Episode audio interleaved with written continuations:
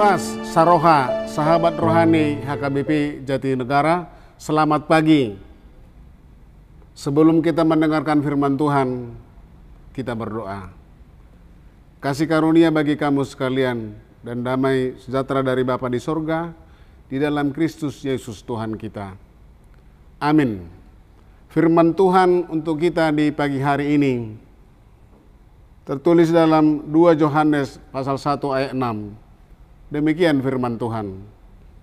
Dan inilah kasih itu, yaitu bahwa kita harus hidup menurut perintahnya. Dan inilah perintah itu, yaitu bahwa kamu harus hidup di dalam kasih, sebagaimana telah kamu dengar dari mulanya. Sahabat rohani HKBP Jatinegara, kata kasih ini sudah begitu populer dalam persekutuan orang-orang percaya, baik di tengah-tengah gereja, baik pun di mana pun. Sebagai orang percaya, selalu ada ucapan-ucapan kasih setia, kasih setia Tuhan yang harus uh, dijalankan, yang harus diaktualisasikan dalam kehidupan sehari-hari. Banyak narasi-narasi tentang kasih ini, kalau kita lihat dalam syair-syair pujian, baik paduan suara dan lain sebagainya. Tapi yang menjadi persoalan adalah apakah cukup hanya dengan narasi-narasi tersebut yang ada dalam teks-teks kor, paduan suara dan lain sebagainya. Tidak cukup hanya di situ sebab kata kasih ini adalah sebenarnya kata kerja dan kalimat perintah. Karena Tuhan kita sudah lebih dahulu mengasihi kita melalui pengorbanannya di kayu salib. Sudah tentunya kita harus menjadi mengasihi orang lain sebagaimana Tuhan yang telah mengasihi kita.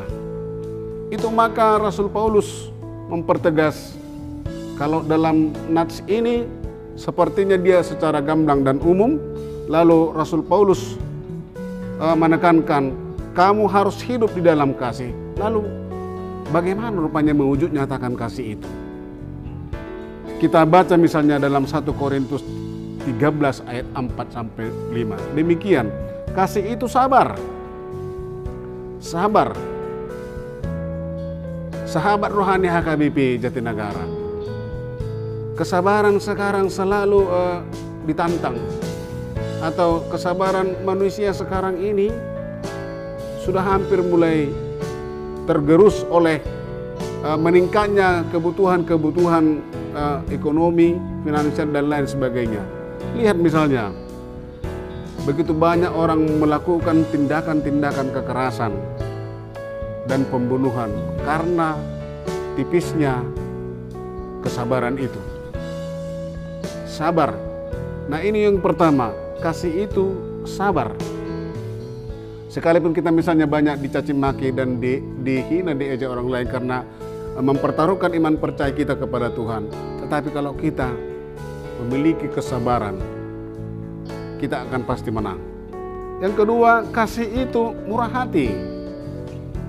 Murah hati, jangankan murah hati, mengapa terlalu sulit kita murah senyum. Walaupun kadang orang misalnya dianggap ya, itu ada sepertinya sinting. Tetapi murah hati itu lebih luas dari murah senyum. Murah hati bagaimana kita uh, dalam hal-hal yang kecil mampu menolong saudara-saudara kita. Itu murah hati. Kemudian yang ketiga, kasih itu tidak cemburu. Tidak cemburu maksudnya mengapa misalnya ketika orang saudara kita, teman kita memiliki uh, harta, pangkat jabatan yang lebih tinggi, yang lebih banyak dari kita, mengapa orang banyak cemburu? Dalam bahasa yang sering kita dengar SMS, susah melihat orang senang atau senang melihat orang susah. Itulah eh, kecemburuan yang luar biasa.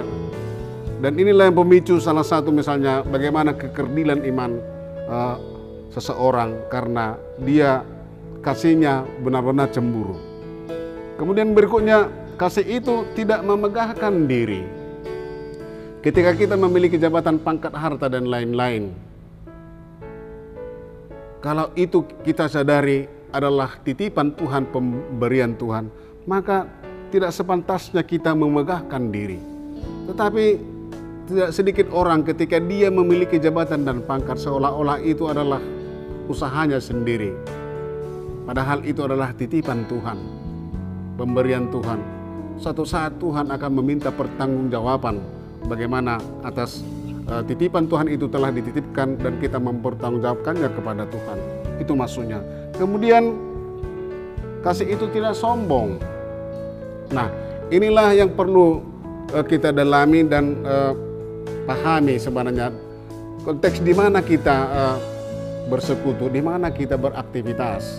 Sebab misalnya dalam kehidupan kita sehari-hari, karena di negara kita terkenal dengan negara yang sangat plural, beraneka ragam uh, bahasa budaya. Nah, tidak sombong, tidak sombong. Jadi marilah kita senyum, misalnya terhadap sesama umat manusia bukan hanya sebatas orang Kristen yang percaya kepada Yesus, tapi kepada semua orang. Kemudian kasih itu ada etika, ada budaya. Kita terkenal dalam gereja kita kan sahabat rohani HKBP, terkenal budaya kita memang yang nuansanya nuansa kebatakan. Uh, bukan bukan bermaksud misalnya lingkungan yang hanya misalnya kita uh, berbuat kasih itu adalah hanya untuk orang mata, Cuman konteks budaya gereja kita makan masih budaya dalam adat ketimuran. Sepanjang itu tidak melanggar nilai-nilai kekristiani, mengapa kita misalnya tidak menjalankan etika, etika budaya? Mengapa kita tidak memakai perangkat-perangkat uh, budaya itu dalam menjalankan kasih itu? Itu maksudnya. Kemudian kasih itu tidak mencari keuntungan sendiri. Ini kan agak berbeda dengan misalnya soal-soal eh, ekonomi secara finansial. Keuntungan sendiri itu sebenarnya misalnya dalam persekutuan ataupun dalam perusahaan eh, bagaimana misalnya tidak ada eh, gap antara pimpinan dengan karyawannya. Itulah yang sebenarnya harus didalami. Kasih itu tidak mencari keuntungan sendiri. Bagaimana semua orang mendapat walaupun dalam kapasitas yang berbeda-beda setiap jabatan dan pangkat.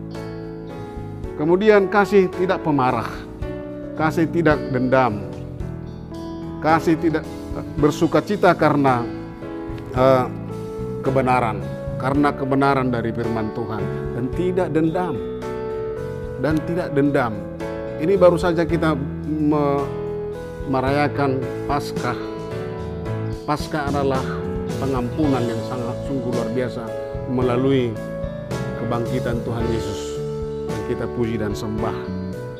Tidak dendam, pengampunan dan pengampunan yang paling besar dan dasar berpijak orang Kristen untuk mengampuni adalah di kayu salib.